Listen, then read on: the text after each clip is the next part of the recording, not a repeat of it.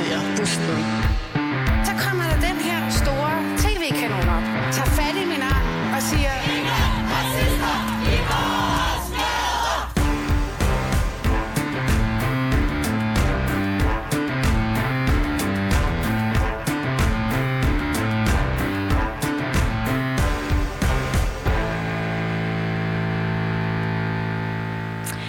Ja, velkommen til anden time af Baby og Boomer. Mit navn er Phyllis Jassar, og jeg er jeres woke inde og vært inde på dagens udsendelse. Til højre for mig, der står du, Christian Markusen. Yes, Hvordan har du det med at være anden violin? det har det fint med, så længe jeg må mansplane. Perfekt. Det er jo altså sammenligneligt med at trække vejret for en boomer-mand som dig, så, øh, så det tilfælder dig jo helt naturligt. Fuldstændig. Øhm, Christian, har du egentlig nogensinde følt dig sådan diskrimineret? Øh, mm, nej, jeg har fået, følt mig dårligt øh, behandlet. Så husk at tale ind i Jeg har følt mig dårligt behandlet. Øh, jeg vil ikke sige, at jeg har følt mig diskrimineret. Altså, det kommer an på, hvordan man definerer diskrimination. Mm. Øh, jeg, har, jeg har oplevet kommentarer og øh, øh, opførsel, som, som, man, som man godt kunne definere måske som diskrimination, men jeg har ikke, du ved, blevet udelukket fra ting, eller ikke kunne få et job på grund af nogle ting. Øh, Mm. mm. stil. Ikke, ikke jeg ved af i hvert fald. Vi skal nemlig snakke om diskrimination og navnlig diskrimination på arbejdspladsen. For en ny analyse viser ligesom, at danske virksomheder gør for lidt. Boston Consulting Group har i samarbejde med LGBT plus Danmark udarbejdet en ny rapport, der viser, at 8 ud af 10 LGBT plus personer rammes af fordomme, nedsættende kommentarer og andre former for diskrimination på, på arbejdspladsen. Og øh, ja, i den anledning vil jeg bare gerne lige byde velkommen til denne debats gæster er det i flertal. Øh, Rosa Eriksen, du er ligestillingsordfører for Moderaterne. Og så har vi Martin Reichardt, du er konsulent fra Boston Consulting Group, og så har du også været øh, konsul, eller været projektleder tilknyttet selve rapporten. Og så øh, er du også selv LGBT plus person. Ja, det er rigtigt. Velkommen til jer begge to. Tak. Når jeg siger diskrimination, eller læser det her i den her rapport, så vil jeg faktisk gerne lige få zoomet helt ind på, hvad, hvad er det egentlig, øh, hvad vil det sige at blive diskrimineret på arbejdspladsen, Ja, Martin? det er jo, det er jo et, et godt, godt spørgsmål, og som vi belyser det i rapporten, så tror jeg, vi, vi bruger i virkeligheden sådan begrebet diskriminerende situationer. Øhm, fordi, hvad skal man sige, det er ikke nødvendigvis, hvad vi taler om her, øh, den sådan juridiske forstand af, af diskrimination. Øhm, men, men det er det, man møder på arbejdspladsen, der på øh, i en eller anden udstrækning kan være med til sådan markant at, at sænke trivselen af de, øh, både de personer, de direkte berører, og faktisk som vores analyse øh, viser, så også bare de personer, der ligesom er vidne til nogle af de her situationer. Og vi- kan vi blive mere konkrete øh, Ja. end det? Altså, hvad er det, der lavpraktisk sker? Altså, I nævner nedsættende kommentarer og, og fordomme. Ja, det er rigtigt. Øhm, hvad skal man sige? Det, den, det de fleste mennesker ligesom øhm, bliver udsat for, der, der har den her negative påvirkning på deres trivsel, det sker simpelthen i de sådan daglige interaktioner mellem kollegaer. Så det kan være øh, jokes, øh, hvor man for eksempel bruger ord som øh, bøsserøv, øh, hvor man, sådan de fleste mennesker, øh, eller dem, der siger det, tænker, om det, er jo, det er jo meget sjovt. Vi ved jo godt, at jeg ikke rigtig mener noget med det, så det er jo ikke så slemt. Men for, for folk, der ikke sådan er helt indforstået med, at de ikke mener noget med det, dem der bruger ordet, der kan det, der kan det virke virkelig ubehageligt. Det kan også virke virkelig ubehageligt for folk, der mm. overhører den slags brug.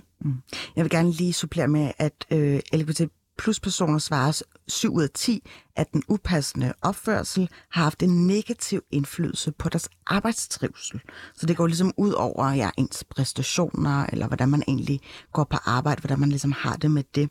Samtidig så, øh, så gælder det kun for hver tredje, altså non-LGBT plus person, altså som ikke er LGBT plus person. Christian Markusen, hvad tænker du om de her tal? Øhm, jeg tænker jo, at det er jo altså, særligt det her med, at det går sådan ud over øh, folks trivsel. Det er, jo, det er jo ligesom det, der er...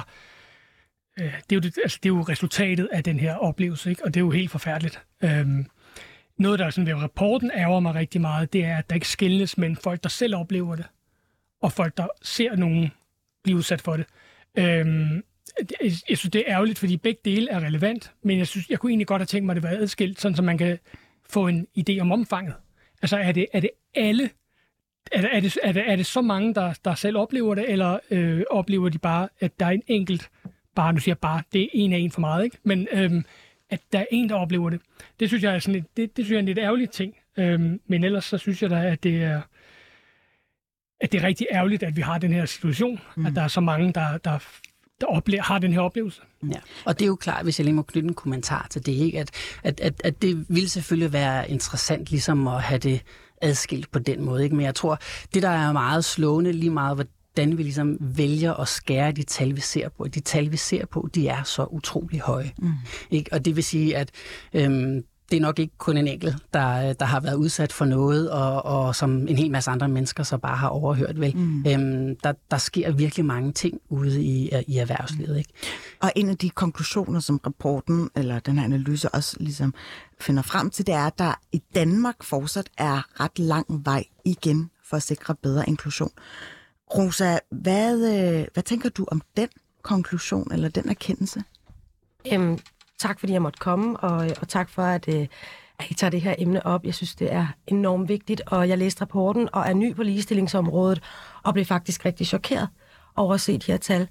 Det er selvfølgelig ikke i orden, at, at der overhovedet foregår den form for diskrimination, at, at det ord, du brugte før, øh, at nogen kan bruge det for sjov, uanset om det er indforstået eller ej, det, det er fuldstændig uden for, øh, for min fatteevne.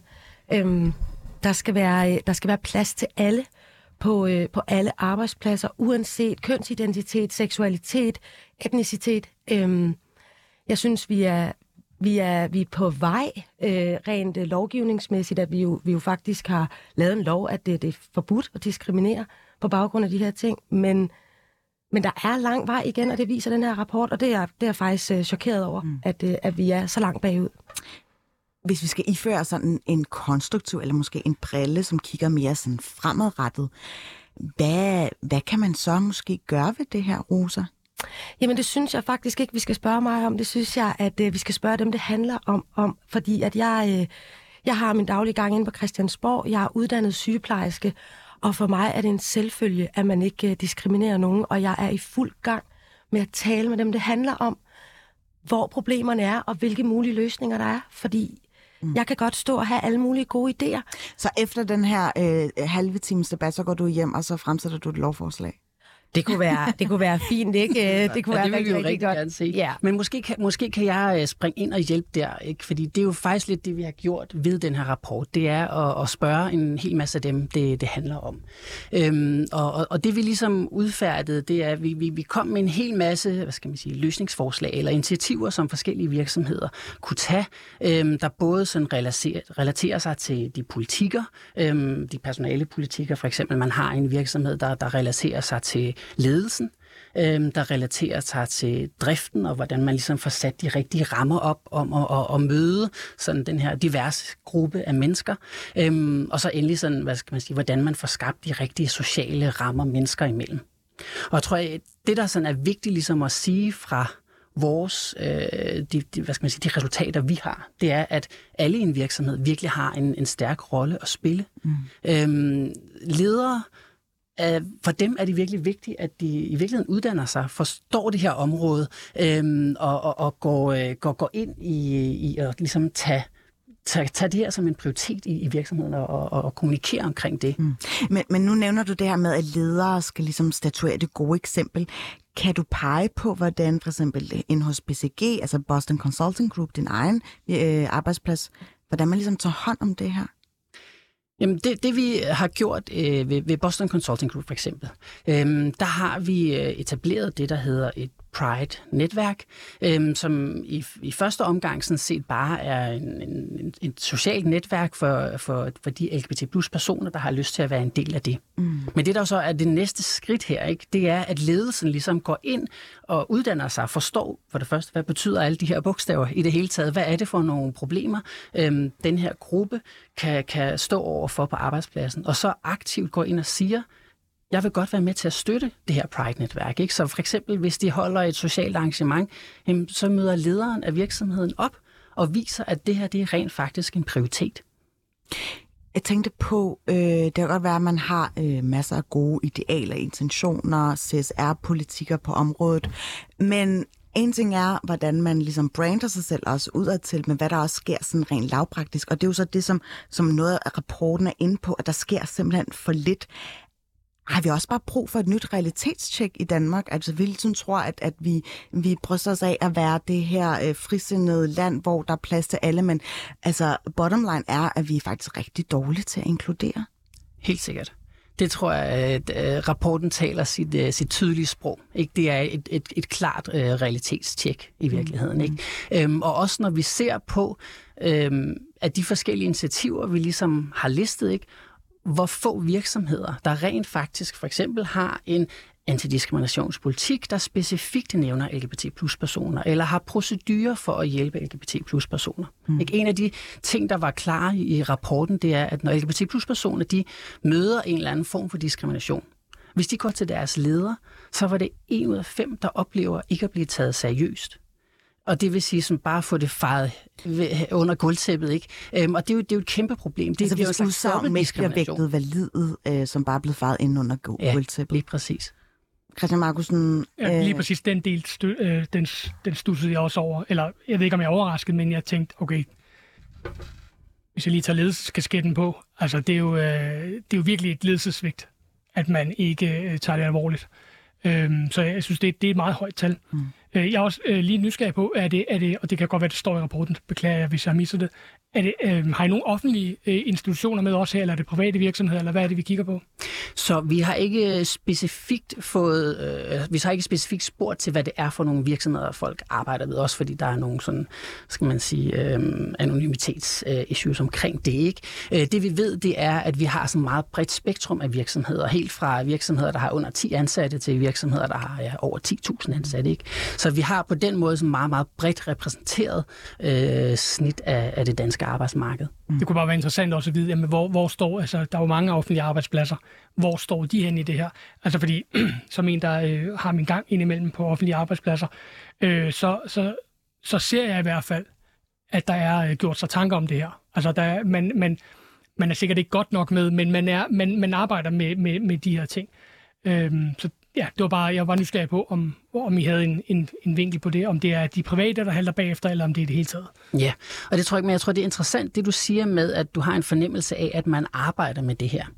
Øhm, fordi det, det er der måske i virkeligheden også mange virksomheder, der gør, eller der sidder en eller anden HR-repræsentant, som har et eller andet perspektiv på det her.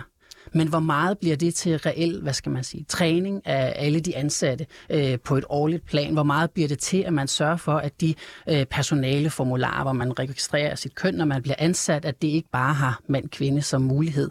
Øh, hvor meget bliver det rent faktisk en del af den sådan, struktur, man har i sin virksomhed, så det bliver bredere end bare et perspektiv? Mm.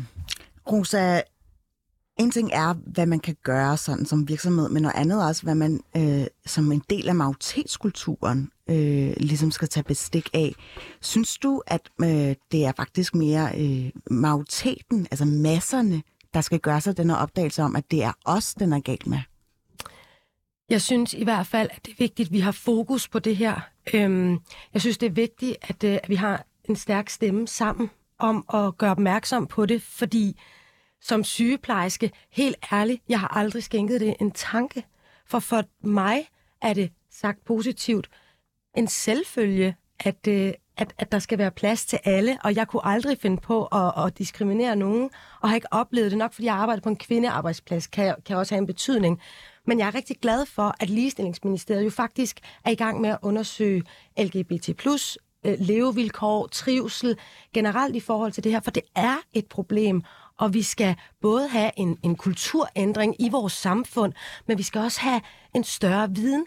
Jeg bliver nemlig nysgerrig på, øhm, og, og undskyld, hvis jeg er uvidende, men når du siger, at man kan krydse af, om man er mand, kvinde, så tænker jeg, jamen, jeg har sådan ude i medierne hørt det her med, at der er 72 køn, der er 10 køn, der og så, så, så sådan en som, som jeg, som er oprigtig interesseret, tænker, hvor skal jeg også stå? Hvad er det rigtige at gøre for en virksomhed? Og hvordan skal virksomheden finde ud af det?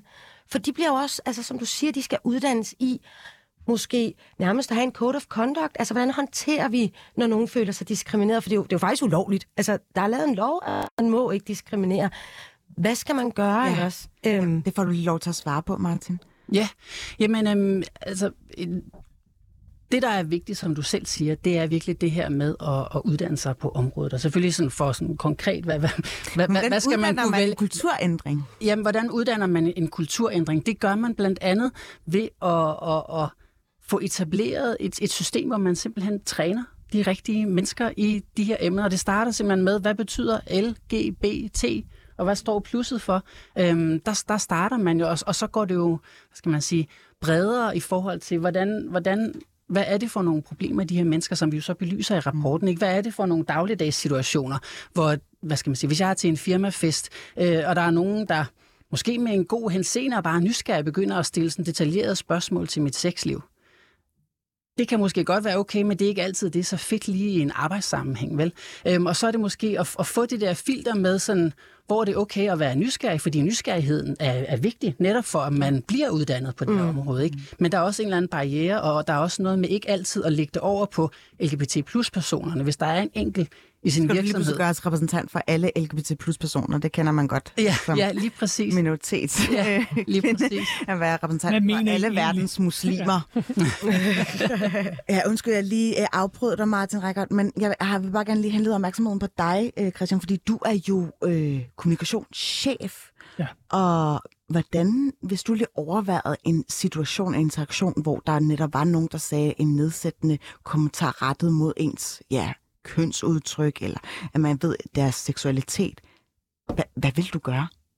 Jeg ville gøre, som jeg ville gøre med alle nedsættende kommentarer, og påtale det og stoppe det. Øhm, og på den måde er, er LGBT plus ikke øh, noget særligt set fra et ledelsesperspektiv. Øhm, men man skal selvfølgelig have øh, opmærksomhed på det også. Øh, det er jo selvfølgelig uacceptabelt på en arbejdsplads med nedsættende kommentarer øh, i det hele taget. Nu talte vi jo i første time om det her øh, minoritetshensyn, og, mm. og du sagde jo, at der, der skal som sådan ikke være en beskyttelse af minoriteter, men man kan jo sige, øh, på et mikroniveau, der er der jo netop indlejret en beskyttelse af minoriteter, når man er på arbejdspladsen. Nej, jeg synes, der er beskyttelse af, at folk skal være øh, trygge og øh, glade og tilfredse med at gå på arbejde. Og om du bliver, øh, om du bliver frosset ud, fordi du er, øh, eller og du får dårlig behandling, fordi du er mand på en kvindearbejdsplads, eller om du er øh, homoseksuel, eller øh, en anden, har en anden minoritetsetnisk baggrund, eller, eller er borgerlig. Øh, der, kan, der kan være mange ting, som kan, som kan gøre, at man øh, får dårlig behandling, og det synes jeg ikke, vi skal acceptere. Og der må jeg måske lige sådan som svar til det, ikke? fordi det er jo lige netop det, der er, er, er sagens kerne her, at, at, at det, der er nødvendigt, det er ikke en eller anden form for særbehandling af LGBT plus øh, personer. Det er, at der er behov for ligebehandling Yes. af LGBT plus personer. Men som, som virksomhedsstrukturerne ofte er nu, ikke så bare det for eksempel, man øh, på første dag bliver mødt af, at man kun kan vælge mand-kvinde. Hvis man er et andet sted på kønsspektret, så er man allerede på en eller anden måde blevet diskrimineret. Ikke? Mm. Så det vil sige, at man har ikke brug for nogle særlige hensyn. Man har bare brug for, at der sådan bliver taget lige hensyn til, at man også kan være, som man er. Jeg tænker på, og når du siger ligebehandling, så handler det vel også om, at der ikke altid skal lægges vægt på, at du er homoseksuel. Det, du, vi talte jo sammen i telefon tidligere, og det der med, at du som, eller samtidig kan have man en fornemmelse af, at man altid skal springe ud hver dag. Ja, lige præcis. Ikke? Og det er jo, hvad skal man sige, nu, øh, nu er jeg LGBT+, jeg har været sprunget ud i øh, virkelig mange år, både over for familie, øh, venner, på øh, arbejdsplads, selv i medierne har jeg været sprunget ud. Og alligevel, hver eneste gang jeg ligesom øh, bliver en del af et nyt team på arbejde, har til nye kolleger, øh, hver eneste gang jeg møder nye kunder, så er det ligesom en lille barriere, der skal, der skal krydses hver gang. Ikke? Og, og det er klart, jo mere jeg frygter, hvordan vil reaktionen være, jo, jo større ting bliver det, og det er klart, jo mere tager det fokus væk fra mit arbejde. Det vil sige, at jeg, på den måde kan jeg blive dårligere til at, mm. at, at passe mit arbejde. Ikke? Men hvis jeg ved, at det er helt trygt, at jeg bare taler om min kæreste, der hedder Benjamin, og det er der ikke nogen problemer med, mm. så bliver jeg på den måde styrket i mm. også at gøre mit arbejde godt. Nu er der jo også mange chefer, som gerne vil sikre, at der er en vis økonomisk balance. Øh, Man kan lige så godt bruge et andet udtryk, at man ligesom ikke bruger for mange remedier, ressourcer, whatsoever, til at sikre, øh, at alle kommer på arbejde. Det vil nogen sige, åh oh, nej, nu endnu en udgift til, at øh, vi skal sikre trivslen på arbejdet. Men, men det har jo også nogle fordele, øh, og det bliver også nævnt i, i, i rapporten. Kan lige riste dem op, eller kan du lige riste dem op, Martin?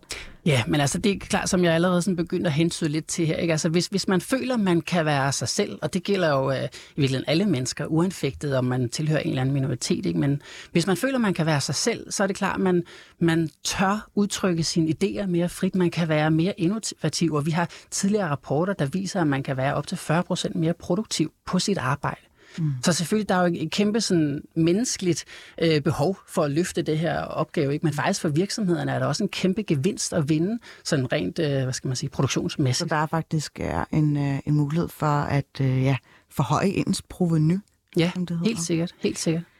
Rosa, er det ikke så på tide, at man tænker, okay, vi bliver nødt til at sikre, at de her virksomheder laver konkrete planer til at, at, øh, at sikre, at de her LGBT plus eller andre minoriteter øh, går på arbejde og ikke føler, at de skal gøres repræsentant eller springe ud, og hvad ved jeg.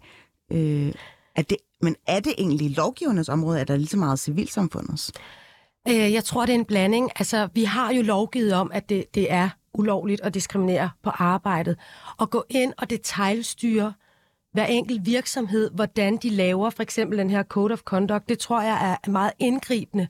Men det er jo et problem, vi har taget op øh, fra statens side. Altså, der er øh, prøvet at skabe fokus på det i forhold til, at der er en hel hjemmeside omkring det her med LGBT plus personer og, øh, og arbejdspladser. Og altså, Selvfølgelig er der en proveny eller en, en gevinst ved, at, øh, at alle har et godt arbejdsmiljø, og det er altså fuldstændig ligegyldigt, om du er øh, kvinde. Jeg har en stomi. Altså, at, at, at, at vi ligesom omfavner hinanden og er nysgerrige, og at du fortæller, at du i arbejdssammenhæng kan føle, at du øh, er anderledes eller skal springe ud igen, fordi at din kæreste har et mandenavn. Det kan, jeg, det kan jeg slet ikke forstå. Vi er i 2022. Øhm, det vigtigste er, at man er, man er lykkelig og har det godt, og så er det fuldstændig over i dit liv, hvem du er gift med. Der er jo ikke nogen, der spørger mig, øh, din kæreste, eller min mand, han hedder Nikolaj, øhm, Nå, okay, jamen, så er du heteroseksuel. Altså, det er der jo ikke nogen, der bider mærke i. Og der bliver vi simpelthen nødt til at have en kulturændring, at vi lever i et samfund, hvor vi åbner omkring det her og omfavner hinanden. Jeg synes, det er meget vigtigt at få på dagsordenen, og det er også derfor, at det er så vigtigt for mig, jeg er ny på det her område, at samle viden fra jer. Det handler om at få jeres idéer, fordi inden bag murene på Christiansborg kan jeg sidde og have 100 gode idéer, men de skal altså implementeres ude i virkeligheden og virkelig hjælpe de mennesker, det handler om. Og jeg tror, det er en blanding af, af, af kultur og lovgivning, og jeg er rigtig glad for, at vi i Danmark simpelthen har gjort det forbudt at diskriminere på arbejdspladsen, og at vi nu monitorerer levevilkår, diskrimination, for ligesom at sætte fokus på problemet. Mm. Det, øh, det, det er enormt vigtigt. Måske er det også bare lidt lettere sagt end gjort. Øh, tidligere i programmet øh, i udsendelserne har vi haft en, øh, en analyse, som er foretaget af Weekendavisen, som har sådan kortlagt forskellige holdninger på tværs af generationer. Og der var det ret slående i forhold til, til øh, øh hvad der hedder, holdninger om, hvorvidt personer fra en seksuel eller religiøs minoritet bør holde deres privatliv og arbejdsliv adskilt. Øh, og så kan man ligesom erklære sig enig eller uenig, eller øh, hverken enig eller uenig. Ikke? Og der er det ret tydeligt, at babyboomerne, altså født i 1964 eller tidligere, som jo stadig indgår i arbejdsstyrken, øh, de er faktisk enige i det, øh, hvad det hedder, holdning i op imod 63 procent af dem svarer, at ja, personer fra en seksuel eller religiøs minoritet bør holde deres privatliv og, øh, og arbejdsliv adskilt. Det synes jeg er en, altså en, en, en interessant øh, tanke, men i virkeligheden så synes jeg, det er sådan en lille smule hypotetisk. Kunne I forestille jer nogle mennesker, der ikke en mandag morgen på hvilken som helst arbejdsplads havde lyst til at fortælle om, hvad de har lavet med deres kæreste øh, eller ægtefælle i weekenden? Det er en af de mest sådan, naturlige ting, så det er ikke et spørgsmål om, hvad skal man sige, at bringe sit seksualliv ind på arbejdspladsen, fordi det har man selvfølgelig på ingen måde behov for at diskutere, men når jeg er kæreste med Benjamin, og øh, hvis vi i weekenden har, øh, hvad ved jeg, øh, gået en øh, tur i Tivoli eller et eller andet, ikke, så er det jo det mest naturlige at fortælle, og det tror jeg, det vil være for alle mennesker. Øhm, og det vil være at lægge utrolig meget bånd på sig selv, mm. og føle, at man ikke kan fortælle, hvad man har lavet med sin kæreste. Men de her tal er jo faktisk øh, ud fra, jeg tror, der var 1058 respondenter, og øh, altså, tallet er jo noget lavere, når man spørger for eksempel generation Z, eller millennial generation, som jeg selv tilhører. Så er det ikke bare de gode gamle typer, der bare skal rette sig ind og forstå, at det er en ny virkelighed? Jamen, altså, og, og, og det er jo lige præcis derfor, det er vigtigt, at vi har fokus på det her.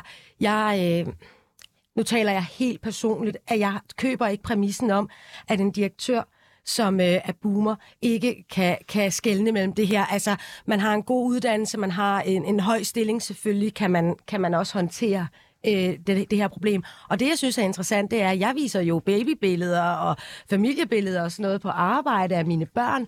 Øhm, og det, det, det skal alle have lov til, uanset seksualitet. Lige præcis. Og det er det der med, at seksualitet også kommer et eller andet sted ind i den her debat. Det er privat, det, det, det er din sag, men derfor vil jeg rigtig gerne høre, at I har været på museum eller været på ferie. Øhm, og, og, og det er det ved den her debat, der også gør den lidt delikat. Vi skal simpelthen skille tingene ad. Der er ikke, du, du skal ikke have mindre ret til at fortælle om dit privatliv, fordi du har en anden seksualitet. Det, jeg synes, det er, er helt skævt. Mm. Afsluttende bemærkning, Christian, hvis du nej, har et er, spørgsmål. nej, det er eller... jeg enig i. Det er, Så tror jeg, at øh, det bliver det sidste ord, Rosa Eriksen, ligestillingsordfører for Moderaterne. Og øh, tak fordi du var med i studiet, og også tusind tak øh, til dig, Martin Reichardt, for at ligesom kom ind og udrulle den her rapport, der er udarbejdet af Boston Consulting Group og LGBT Plus Danmark. Tak fordi du kom.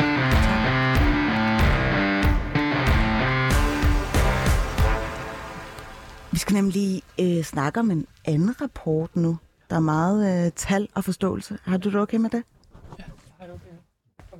Du skal lige blive på din mikrofon, Christian. Nå, sorry. Der er nemlig lige øh, udskiftning i, uh, i vidste gæsterne her. Videre, ja. Øh, der er direkte overgang, fordi at der er nemlig blevet lavet en, øh, en, en ny analyse fra Tænketanken Krake, øh, der viser, at kvinder er stærkt underrepræsenteret i iværksætteri i Danmark, både hvad angår andelen af nystiftede virksomheder og andelen af risikovillige investeringer.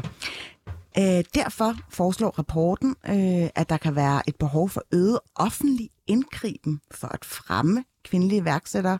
For eksempel så er kvindelige rollemodeller eller øget repræsentation af kvinder i finansielle virksomheder samt øremærket investeringspuljer mulige tiltag for at få bugt med det her problem. Og øh, nu har jeg fået to nye gæster ind i studiet. Velkommen til dig, Per Husted. Du er iværksætterordfører for Socialdemokratiet.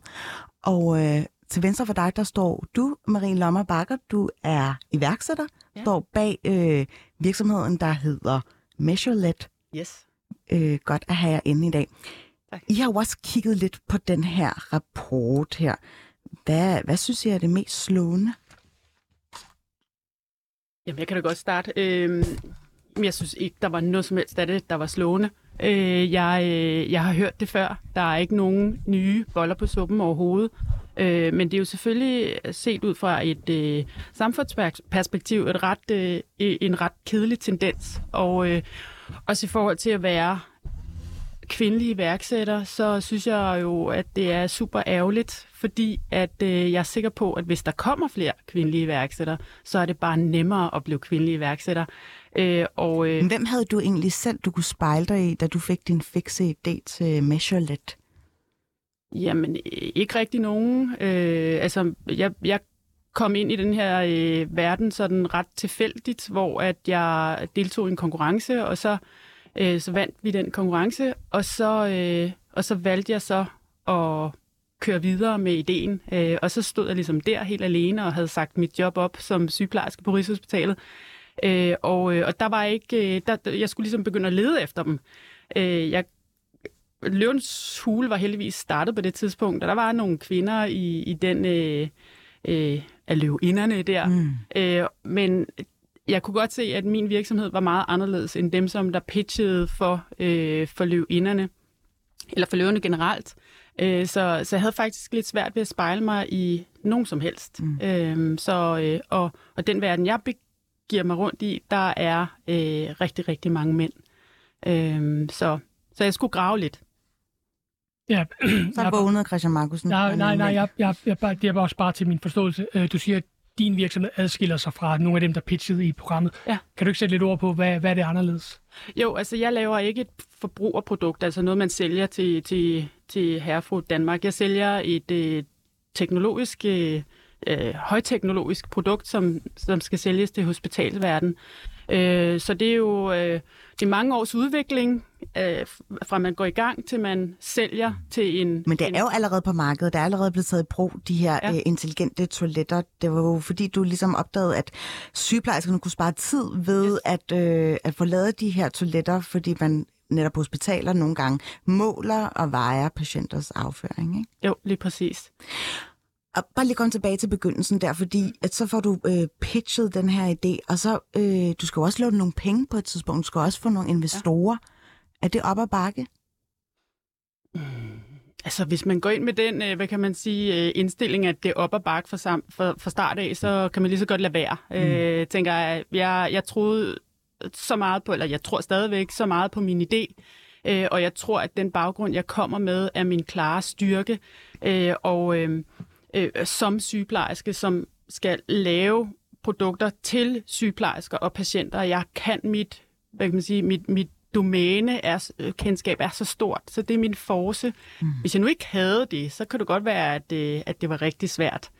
Øh, men, øh, men altså op ad bakke, det ved jeg ikke. Altså, det var nok mig selv i starten især, når man skulle stå der pitche, og måske var øh, vi var ganske få kvinder, øh, øh, Øh, altså i rækken af, af mænd også, øh, så kan man godt nogle gange begynde at tænke, uh, hvad er det, de kan, som jeg ikke kan, og nu øh, blev jeg lidt for, så prøvede jeg på at, at ligne dem øh, egentlig, og prøve at tale ligesom dem. Og så på et tidspunkt i rejsen, øh, jeg, har arbejdet med det her fem år, på et tidspunkt så fandt jeg ud af, at det skal jeg jo slet ikke. Jeg skal bare være mig selv, og jeg skal prøve at man kan man sige, slå på nogle af de ting, som jeg er god til, øh, og især slå på min øh, domænekendskab, som jeg tænker er mit aller, aller stærkeste kort i forhold til at lykkes med det her, fordi det er så vigtigt. Mm. Øhm, Og nu lever du jo en tilværelse som iværksætter og trives i det. Men hvis du skulle give et godt råd til nogen, der ligesom går med en iværksætter i maven, skal man så bare slå koldt vand i blodet og kæmpe, kæmpe, kæmpe, eller er der et lys for enden af tunnelen, tror du? Jamen selvfølgelig er der lys for enden af tun- tunnelen. Altså man skal jo tro på det, og man skal ville det, øh, og man skal øh, have en passion for det. Det tror jeg er sindssygt vigtigt. Altså min passion er jo, at, at jeg tror på, at vi kan ændre sundhedsvæsenet øh, markant. Øh, og det er jo et, et, et mål, der ligger ude for enden, som, øh, som jo virkelig driver mig. Mm. Øh, og så er det bare lidt nemmere at stå op om morgenen. Øh, Ja, så mit råd, det er jo egentlig bare at tro på det, man, øh, man, øh, man gør. Mm. Samtidig med, at man skal lade være med at tænke over så meget, hvad andre mener om en. Det er en, altså, øh, det, det tror jeg er et meget godt råd, egentlig. Fordi at ellers så overlever du ikke. Du, du ligner ikke de andre. Okay, note to self. Og det der med at ligne, ligner ikke de andre, det skal vi også lige øh, dykke lidt mere ned i. Men, men Per Husted, øh, jeg har læst en artikel i Berlinske, hvor øh, erhvervsminister Morten Bødskov ligesom siger, at han gerne ser, at øh, andelen af kvindelige iværksættere ligesom stiger under hans ministertid. Hvordan, øh, hvordan vil man bære sig ad med at løse det? Jamen, der, jeg kunne godt tænke mig at starte et andet sted. Øh, I regeringsgrundlaget er der faktisk lagt op til, at vi skal have lavet en ny iværksætterstrategi. Og der synes jeg jo, det er vigtigt, at alle, der har erfaring og interesserer sig for det her, spiller ind. Fordi øh, gør vi det, som vi plejer, når vi skal lave noget nyt, så spørger vi dem, vi plejer. Dansk Industri, Dansk Erhverv for eksempel. Ikke? Når jeg er til møder der, altså, så kan jeg jo godt genkende nogen, der ligner mig selv faktisk. En mand i sin bedste alder, øh, med masser af erfaring, men hvor man lige skal stille sig selv spørgsmålet, om Jamen, den erfaring, jeg har, jeg driver jo selv virksomhed også med, med en vis succes, og har meget med kvindelige iværksættere at gøre, faktisk også i, i øh, det, jeg gør. Øh, at stille sig selv spørgsmålet, kan en flok mænd, der sidder over i, bør, på, i børsbygningen og, og, og ligner hinanden alle sammen, er det dem, der kan tænke, hvordan det skal være? Og der ser jeg jo den rolle, som Folketinget, regeringen, egentlig har, det er at skabe nogle rammer. Øh, men så skal vi have andre til at fylde dem ud. Mm. Fordi vi kan ikke sidde på Christiansborg og sige, nu skal vi have flere kvindelige iværksættere. Det kan vi jo ikke beslutte. Altså det, der er ikke, det kan ikke lave et lovforslag, at nu skal kvinder være iværksættere.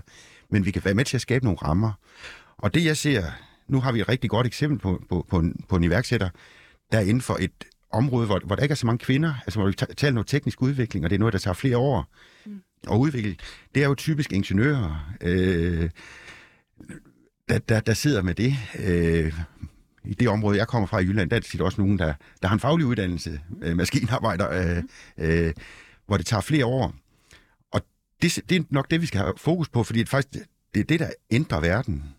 Det, er jo- det er jo, når man laver nogle opfindelser, der for eksempel gør det, gør det nemmere. Jeg bliver bare nødt til at spørge, Pia Husted, altså hvordan kan man skabe incitamenter for, at netop rammerne bliver bedre for, at kvindelige iværksættere tænker, åh, oh, det, det har jeg faktisk lyst til at søge hen imod. at nu skal man passe på, at man ikke klientgør iværksættere. Altså iværksættere er generelt meget stærke mennesker, både mænd og kvinder. Øh, man skal passe på, at man ikke gør det til et, et klientspørgsmål, øh, altså overføre noget socialpolitik på det. Øh, for det er et spørgsmål om at få de gode eksempler frem, få nogen, man kan spejle sig i. Øh, der er, hvis I tager ud i landet, så er der faktisk rigtig mange kvinder, der gør det super godt. Og der skal vi være bedre til at få dem frem. Plus, at når vi laver nogle tiltag, så i stedet for bare at nøjes med at spørge dem, vi plejer, hvor det er, det er, det er mænd, der sidder der. Det kan vi lige så godt sige. Mm. Øh, så skal vi være bedre til egentlig at fange, hvad det er. Jeg lever jo selv af at udleje øh, lokaler til iværksættere og, etablerede virksomheder i det hele taget. Og jeg, stiller, jeg, jeg gør meget for, at rammen er god for dem, at lokalerne er i orden, at øh, der er varme på og det hele. Men jeg går egentlig ikke ind og stiller spørgsmål ved, hvordan de driver deres virksomhed. Kun hvis de spørger mig, så vil jeg meget gerne give min råd. Men jeg kan jo ikke drive virksomheden, så man skal egentlig se det på samme måde, at øh, Folketing, regering kan være med til at skabe nogle rammer. Og så vil du gerne have, at man bliver konkret. Hvad er det for nogle rammer? Jamen, jeg har prøvet at sige, det er jo ikke mig, der har svaret. Det er jo dem, det drejer sig om. Nej, men nu sidder du heldigvis i et virke, hvor du kan gøre en forskel, Ja. og øh, tallene taler jo sit tydelige sprog. Ja. Altså analyse fra Vækstfonden viser, at tre ud af fire nyers- nyopstartede virksomheder i 2021 blev stiftet af rene mandeteams, mm. simpelthen. Og kun cirka 14 procent af rene kvindeteams. Mm. Skal man ikke lige tage højde for de her tal? Altså, nu er jeg en... Nu hedder programmet her Boomer og Baby. Jeg ser mig selv som en baby. Altså, der, det kan man have Du er lige... gang med at lære. Nej, det er jeg ikke, fordi det er jeg faktisk helt holdningsmæssigt. Jeg synes, der er mange unge, der faktisk er mere boomer, end jeg er i hvert fald. Øh, Og det bliver du lige nødt til at forklare nærmere. Jo, men altså med, at man egentlig gerne vil beholde tingene, som de er, og at man egentlig ikke er særlig åben over for, for, for nye idéer fra andre. Det er egentlig øh, sådan definitionen, jeg, jeg ser. Er det boomer? Der, der skal man, det er indtil 64, er det ikke? Den 64, der er heldigvis yngre. Men det, jeg bare vil sige med det, det er jo, at man skal have et åbent sind. Og det er lige præcis det, jeg prøver at sige, det er, at vi skal passe på, når vi nu skal lave en ny iværksætterstrategi, som det hedder, at vi ikke bare gør det, som dem, der har erfaring fra, hvordan verden, som har startet virksomhed for 20 år siden osv. Vi skal ud og lytte, lytte til dem, der står med idéer nu. Mm. Og så vil jeg sige, en af grunden til, at jeg tror, at vi ser knap så mange kvindelige iværksættere også, det er jo også de fag- eller uddannelsesvalg osv., man tager, hvor mange af de øh, brancher, som kvinder er inden for, øh, ikke er typisk der, hvor man, man starter op. Men der synes jeg jo netop, at det eksempel, vi har i dag inden for, for sundhedssektoren, mm. jamen det er jo et område, der kommer til at vokse helt vildt. Altså vi skal jo have alle sygeplejersker, øh, øh, læger, både mænd og kvinder, mm. til egentlig at være med til det her, fordi det er- bliver et helt stort iværksætterområde i øh, de kommende år, og derfor er det så spændende at høre øh, om, om et projekt som det her. Så du skal ud og være, være forbillede for, for andre i sundhedssektoren. Ja, hvis du ikke allerede er det, øh, Marie. Men når du tænker tilbage på den rejse, du var på, ikke? Øh, en ting er, at du måske samlede, øh, savnede sparring, eller savnede nogen, der kunne sige, jamen, bare lige væbne dig med tålmodighed. Det skal nok gå alt sammen. Og se nu, altså produktet er jo landet og, og bliver solgt øh, på hospitalerne, men, men hvad, hvis du skulle give dig selv et godt råd, hvad skulle det så være? Jamen, så var det netop det her med, at, at, øh, altså, øh, at vi skal tro på os selv, og, og at vi ikke skal lade os, og at vi ikke skal lade, hvad kan man sige, dem som traditionelt er iværksættere, sætte dagsordenen for, hvordan øh, det at være iværksætter, øh, altså hvad der er rigtigt for det at være iværksætter.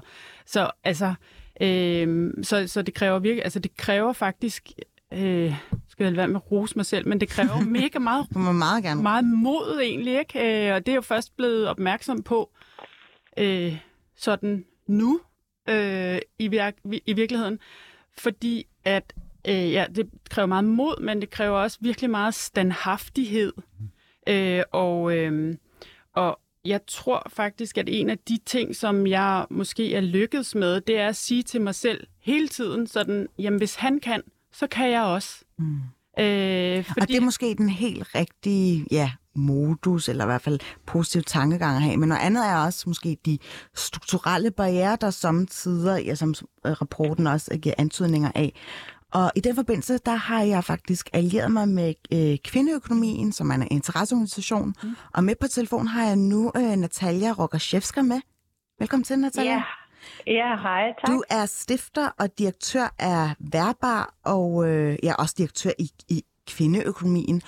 Og du har måske lyttet lidt med her i samtalen, men hvad, øh, hvad bare lige for supplerende kommentar, hvad er det egentlig, i oplever samtidig, som, som folk kommer, eller typisk kvinder kommer med af problemer øh, til jer?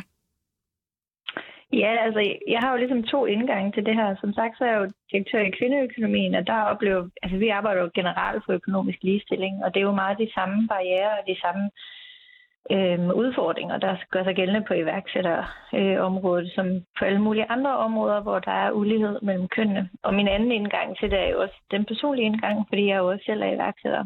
Så, øh, så oplever jeg jo også... Øh, nu hørte jeg bare lige her til sidst, at øh, der blev talt om mod.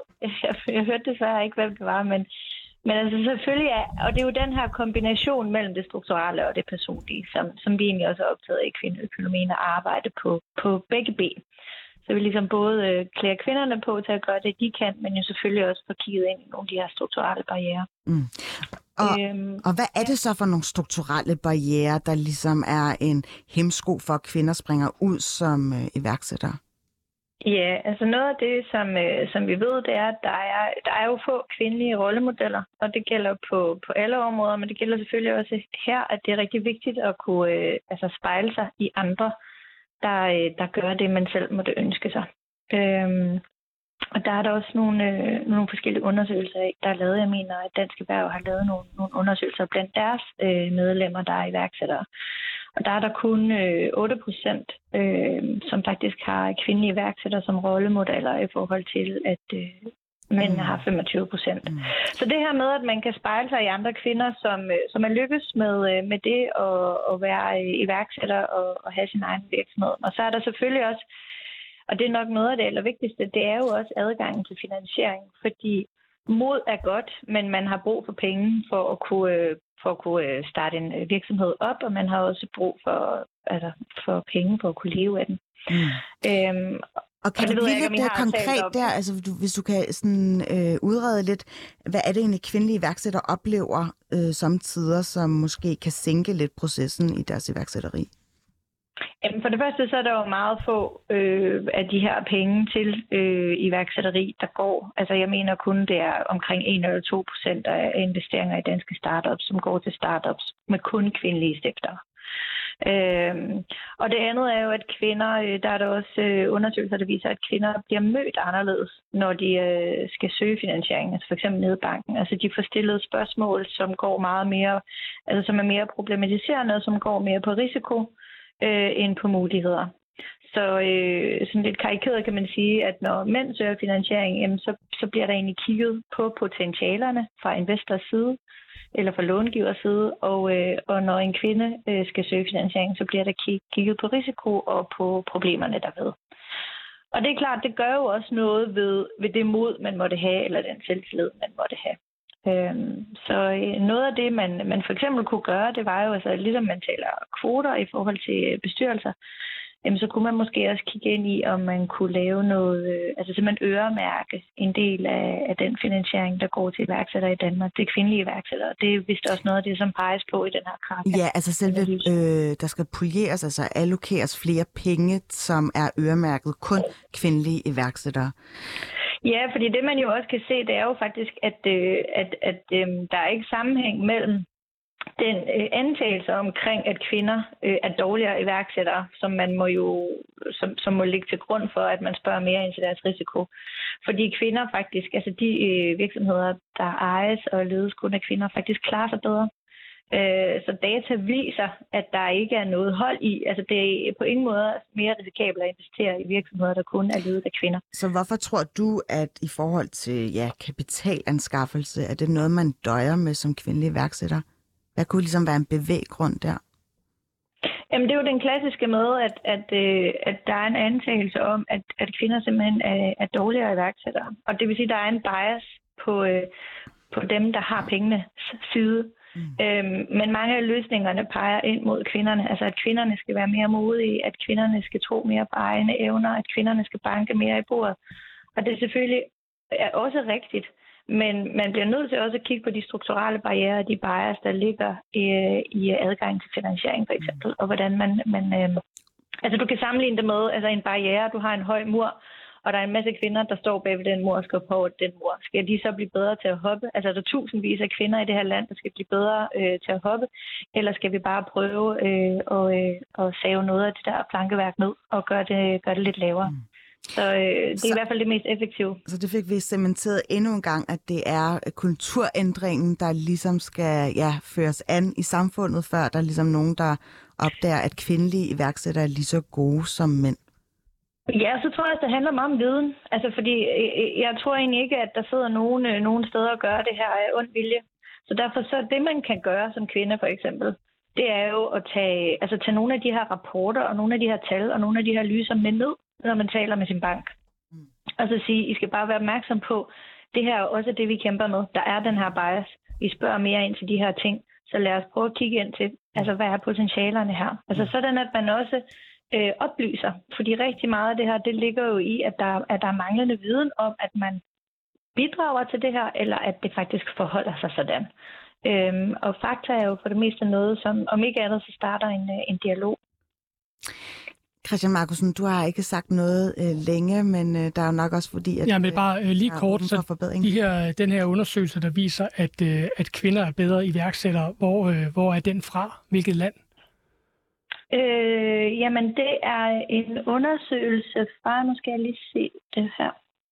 Mens du lige øh, øh finder undersøgelsen ja. frem, vi har ikke glemt den. Øh, du markeret også, Marie? Ja, jamen det er fordi, at altså, når man driver en virksomhed, og man er kvinde, så skal man jo virkelig, virkelig passe på med, at man ikke øh, ligesom går til en investor. Altså en investor vil altid investere i den stærkeste, og den, som der tror mest på sig selv. Så hvis man lægger sådan et, et øh, hvad kan man sige, offerkort på, på bordet allerede inden man kommer ind til investerings, øh, hvad kan man sige, pitchen, mm så kan man lige så gå igen, tænker jeg. Så det er jo det er virkelig, øh, altså det, det er virkelig, virkelig svært at arbejde med det her øh, med, at øh, altså det er også, det, jeg skal også passe på, hvad jeg Men siger. Men handler det ikke også om, at du kan sænke paraderne måske mere over for en kvindelig investor, end hvis du sidder over for en mand? Eller er det måske meget fordomsfuldt?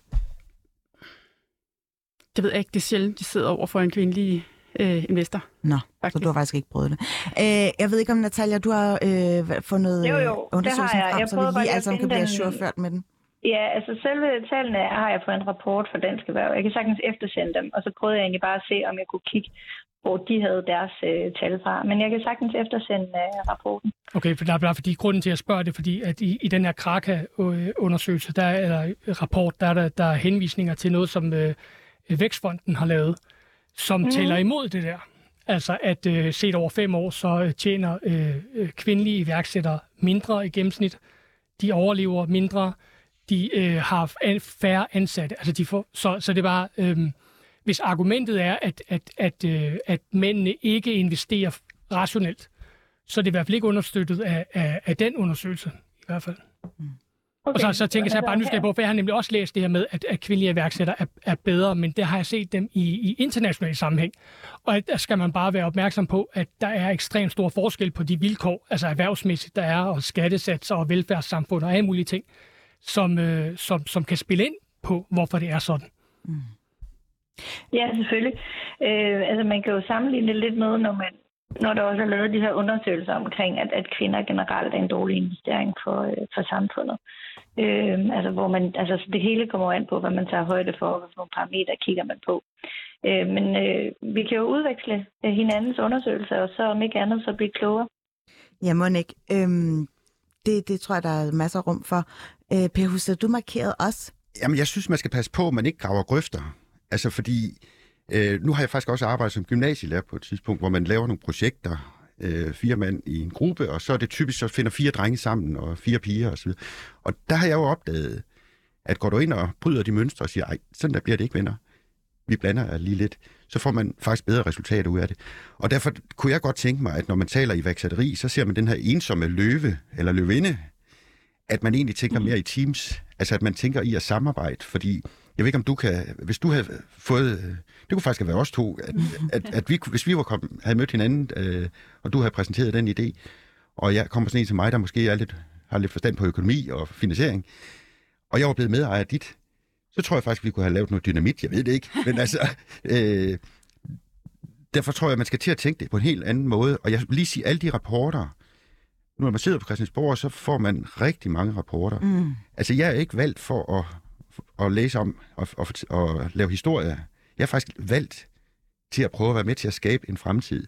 Og den fremtid, jeg ser, øh, det er faktisk, at vi skal lade være med at tænke så meget om, det ikke mænd, kvinder. Vi, problemet er først løst i det øjeblik, at vi ikke tænker sådan. Mm. Og det er der, vi skal ud. Og jeg kan godt se, at der kan være noget idé i, og, og at kvinder får nogle, nogle særrettigheder. Det kan jeg godt se ud fra, fra det, der bliver sagt. Men jeg vil gerne lige... Altså gentage, i forhold til, at der polieres nogle ja, særskilte penge men jeg vil gerne iværksætter. gentage, at være iværksætter, det er barsk. Og hvad hedder det? Og der skal man passe på, at man ikke øh, klient gør det, som jeg prøvede at sige før. Altså, det er barsk. Det er, nu er vi på Radio 24-7. Det er 24-7, at man tænker på det. Det har jeg i hvert fald haft med mit. At jeg tænker på det hele tiden, og når der er likviditetsproblemer, så burde man ikke kunne sove. Det har jeg nu aldrig haft problemer med. Mm. Men, øh, det, det. Ja. Men altså, man, man skal ikke klient gøre det her, og vi skal se fremad, og vi skal prøve at tænke i nogle nye mønstre for det. Fordi stille op med mænd og kvinder, det tror jeg kan blive problematisk her. Mm. Jeg kan se andre områder, hvor det er mere relevant at gøre det. Mm. Æ, Natalia, det får du lige lov til at reagere lidt på, fordi er det bare fordi, vi er samtidig lidt øh, binære og kommer til at fastslå, eller lægge folk i kasser, i stedet for bare at tænke, hvordan kan mm. vi skabe øh, rammer eller incitamenter for, at, at de her øh, teams kan arbejde på tværs af hinanden, på tværs af køn? Men altså, udgangspunktet er det selvfølgelig, det ville være fantastisk, hvis vi kunne leve i en verden, hvor vi ikke kigger på køn, øh, og hvor vi ikke graver grøfter. Det er absolut heller ikke øh, hverken min eller kvindeøkonomiens dagsorden. Jeg tror, det, der er rigtig vigtigt, det er at anerkende, at vi tænker i køn, og vi gør det ubevidst. Og udfordringen er jo, at hvis vi ikke kan blive enige om at anerkende det som en udfordring, hvis vi ikke kan blive enige om at anerkende, at der er en udfordring omkring ligestilling, jamen så kommer vi heller ikke hen til de løsninger, som vi har behov for. Så kommer vi ikke hen med de løsninger, hvor vi forhåbentlig om nogle nogle år eller mange år kan være et sted, hvor vi ikke tænker i køn, hvor vi er i stand til at kigge øh, altså beyond kønnet. Så derfor så, øh, så, så tror jeg ikke helt egentlig, at jeg er der, hvor, hvor jeg anerkender præmissen om, at vi ikke skal, skal anerkende, at der er øh, uligheder, som vi skal tørre at se i øjnene og ture tale om. Mm. Marie, øh, nu ved jeg, at din kompagnon også består af en kønsfælde. Det er en kvinde, jeg tror, hun hedder Louise, øh, som står bag Measurelet. Havde du øh, overvejet at faktisk øh, måske tænke at indlemme altså, i din virksomhed for eksempel på tværs af køn? Øh, fordi jeg kan også forstå, at der er mange øh, kvinder, der er ansat i, i din virksomhed. Er det for, er jeg rigtig forstået? Ja, ikke helt. Øh, Louise hun var med til, til at starte virksomheden helt i de første fem måneder, og så hoppede hun faktisk tilbage og, var, og, og blev altså, fortsat med at være sygeplejerske. Mm. Øh, og så stod jeg på, på, på bar jord. Og så det første, jeg gjorde, det var at finde en tekniker, og det var en mand. Øh, som var ingeniør. Øh, og, altså, og på nuværende tidspunkt, så har jeg været meget sådan, især i min bestyrelse, hvordan kan jeg øh, skabe en divers bestyrelse. Og der er, en, der er en kvindelig formand for eksempel, og der er en anden kvinde, og så er der mig, og så er der også øh, tre mænd. Øh, så jeg prøvede ligesom at holde balancen. Øh, så ja, man må du skal i hvert fald have rigtig meget held og lykke med uh, Measurelet, og tusind tak, fordi du gad at komme ind her i studiet, Marie Lommer Bakker. Også tusind tak til dig, Per Husted, overfører for uh, Socialdemokratiet. Også tak til dig, Natalia Rogaszewska, uh, direktør i Kvindeøkonomien. Tiden skrider nemlig. Du har lyttet til Baby og Boomer. Husk, at du kan lytte til den her udsendelse on demand, der hvor du plejer at lytte til podcast. Vi lyttes ved i næste uge. Tak for i dag.